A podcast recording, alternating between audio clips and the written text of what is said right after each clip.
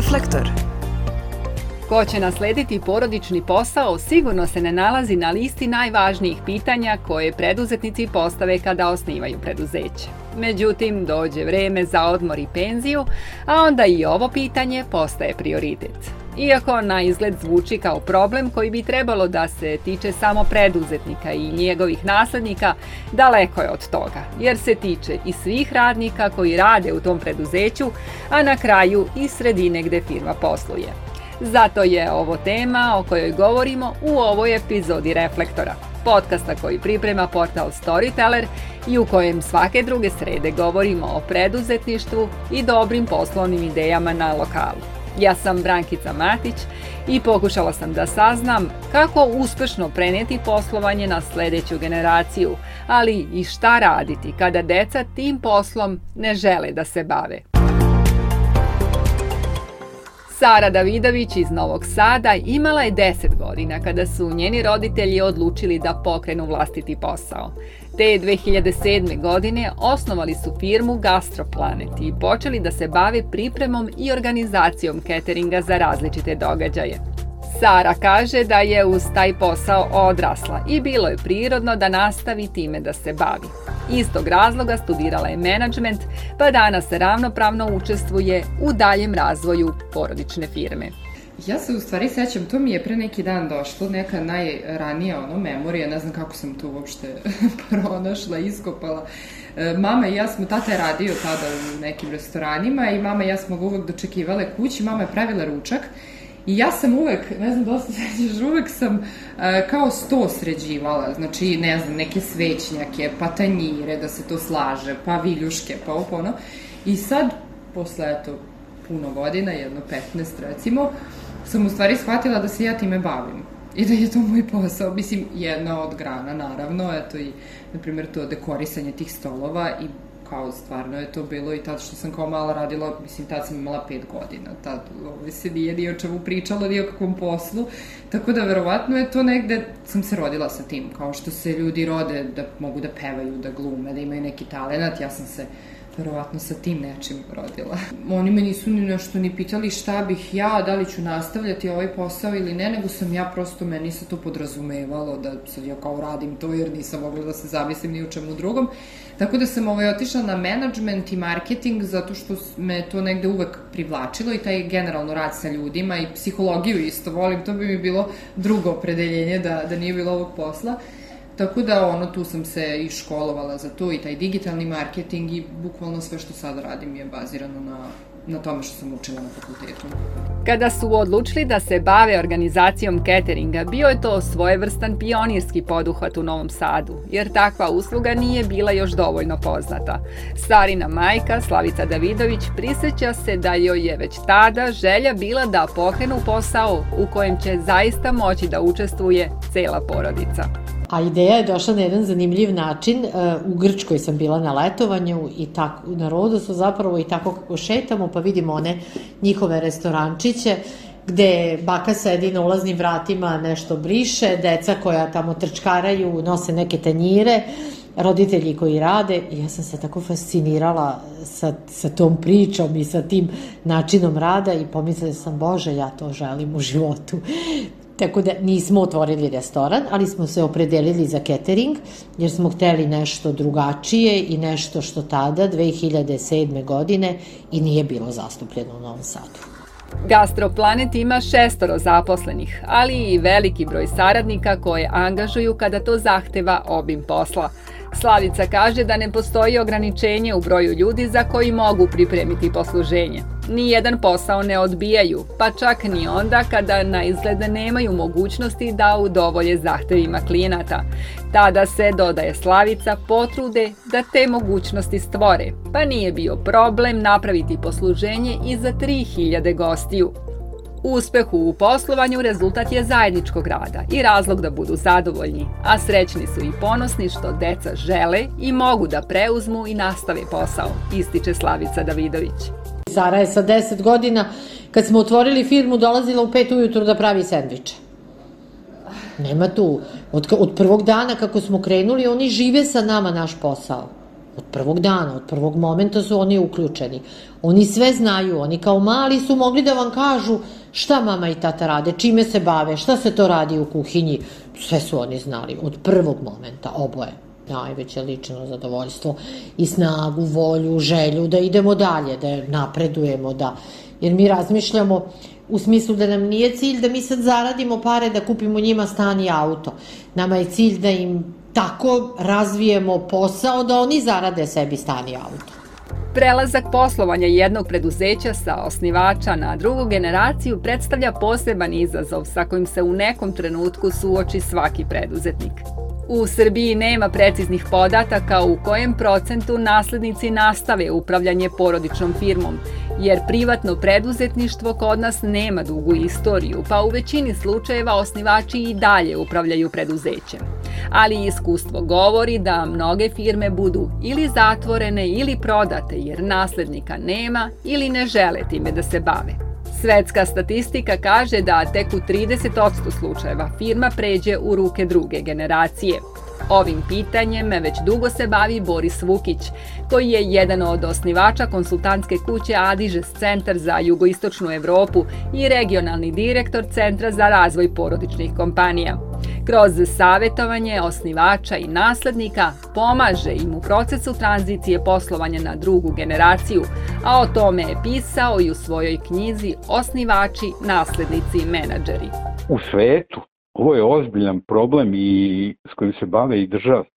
U svetu države pomažu proces tranzicije iz jednog jednostavnog razloga, ne zato, ja kad sam ovde pokušao da me neko čuje, pa sam onda odustao, onda sam dobio odgovor šta mi imamo da finansijski pomažu uh, konsultantske usluge, na primer, uh, kad sam pokušao jel tako, da, da, da razgovaram s nekim ljudima na tu temu, onda su rekli, pa šta mi imamo tu, imaju oni para, pa neko oni sami reše svoje, svoje probleme. Ama nisu to njihovi problemi, što su te firme veće i što su osnivači bogatiji to je sve manje problem tih porodica, imaju oni u domaćim švajcarskim slamaricama, u nekretninama, neki i za drugu generaciju, jel tako, ali gde će ti ljudi da radi? To je drugi problem. Što je mesto manje, a firma veća, porodična, to je veći, to je veći, to je veći problem. Kod manjih porodičnih biznisa lakše je izvršiti prenos poslovanja na decu. Kod velikih kompanija to je mnogo složenije. Boris Vukić podsjeća da treba praviti razliku između prenosa vlasništva i prenosa upravljanja preduzećem. Deca koja žele da preuzmu i vode posao trebalo bi da mogu znanjem i stručnošću na pravi način da se posvete tom zadatku. Deca treba da nauče, sad imamo drugi pojam, da budu pismeni profesionalni menadžer da nauče da planiraju, da budžetiraju, da izveštavaju, da vode sastanke. Menadžment je zanat. Zato je ovo teško. Osnivači firme vode na jedan način, deca ne mogu da vode firme na takav način. Pod jedan ne mogu ni da budu isti kao ovi. Znate, 5% svetske populacije ima taj nekakav nagon da pokrene neke svoje firme kad se oni razmnožavaju, opet 5%. Nisu, ima dece koja su preduzetnici poput roditelja, ali 5%. To se ne prenosi genetski. I da bi ovi vodili, koji moraju da nauče menadžerske zanate. Proces tranzicije poslovanja na drugu generaciju ne odvija se preko noći. U teoriji o ovome bi trebalo razmišljati već po osnivanju preduzeća. Naravno, na početku, dok su deca mala, to nikome nije na umu. Da bi naslednici preuzeli i nastavili poslovanje, potrebno je izvršiti četiri pripreme, smatra Boris Vukić iz Adižes centra. Šta treba pripremiti? Pripremiti naslednike opet u skladu sa njihovim željama, ambicijama, mogućnostima za poziciju vlas, ili vlasnika i ili zaposlenog ili odnosno suvlasnika, zaposlenog ili direktora i tako dalje. Druga stvar koja treba pripremiti jeste pripremiti kompanije. Njih moramo profesionalizovati. Njih moramo osloboditi od osnivača i osnivača da oslobodimo od njih. Znači moraju se profesionalizovati, urediti, ne volim tu reč korporatizovati, ne moraju oni da budu korporacije. Ovo nekog malo reda tu da se zna ko kome zašto odgovara, da se malo prate novčani tokovi, da se prave neki planovi, da imamo sastanke. Pa je treća priprema, priprema osnivač. Šta će osnivač da radi? Kada jednog dana u njegove, evo sad pričam, 65. godini, pripremljen naslednik, može biti 60, može biti 70, pripremljen naslednik, počne da vodi profesionalizovanu kompaniju, šta će on da radi? Šta će on da radi ujutru kad ustane? Šta će da radi čovek koji je zadnjih 20-30 godina dolazio na posao. I četvrta priprema, znači imali smo naslednika, imali smo kompaniju, imali smo osnivača, jeste priprema porodice. Hajde da vidimo. Tu je između ostalog i ona tema vlasništva koju sam malo pre, te, pre nekakve politike investiranja, to je sad posebno, bi mogli o tome članova porodice, gde idu zajedno, gde ne idu zajedno, politike, sad ćemo zapošljavamo zetove snajke u firmu, na primer, nekog školovanja nekih daljnjih generacija.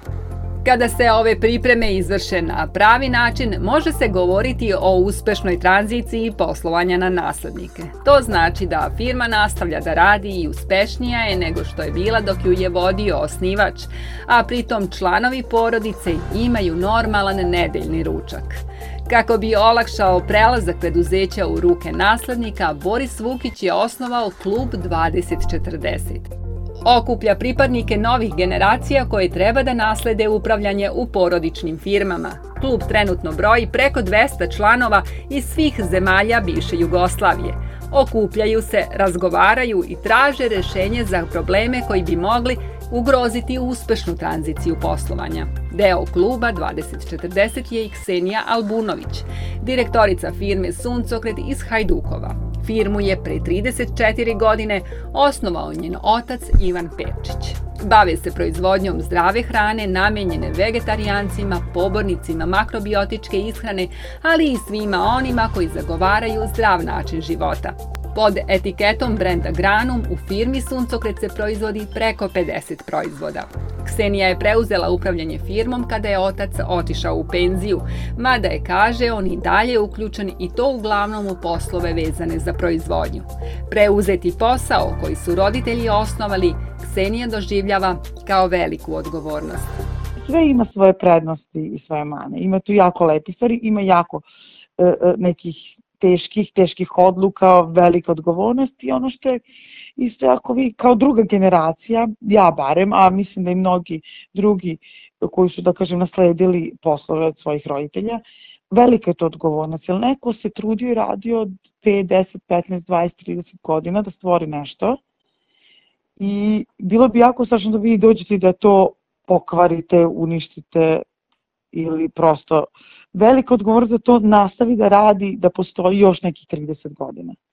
I da se po mogućnosti ne da bude na tom nivou na kojem je trenutno, nego da to naraste i bude još veće, bolje i tako dalje. Različita mišljenja pa i sukob generacija nisu neuobičajeni u porodičnim preduzećima, pa i onda kada je tranzicija uspešno izvršena. Sara Davidović iz firme Gastroplanet kaže da čak i kada se na poslovanje različito gleda, cilj bi trebalo da bude uvek isti, da se zajednički nađe rešenje koje je najbolje za posao. Uglavnom je to kod nas e, podeljeno u smislu ili svako ima svog klijenta, pošto smo sad već došli do toga da ljudi e, podjednako zovu i mene kao što zovu i mamu.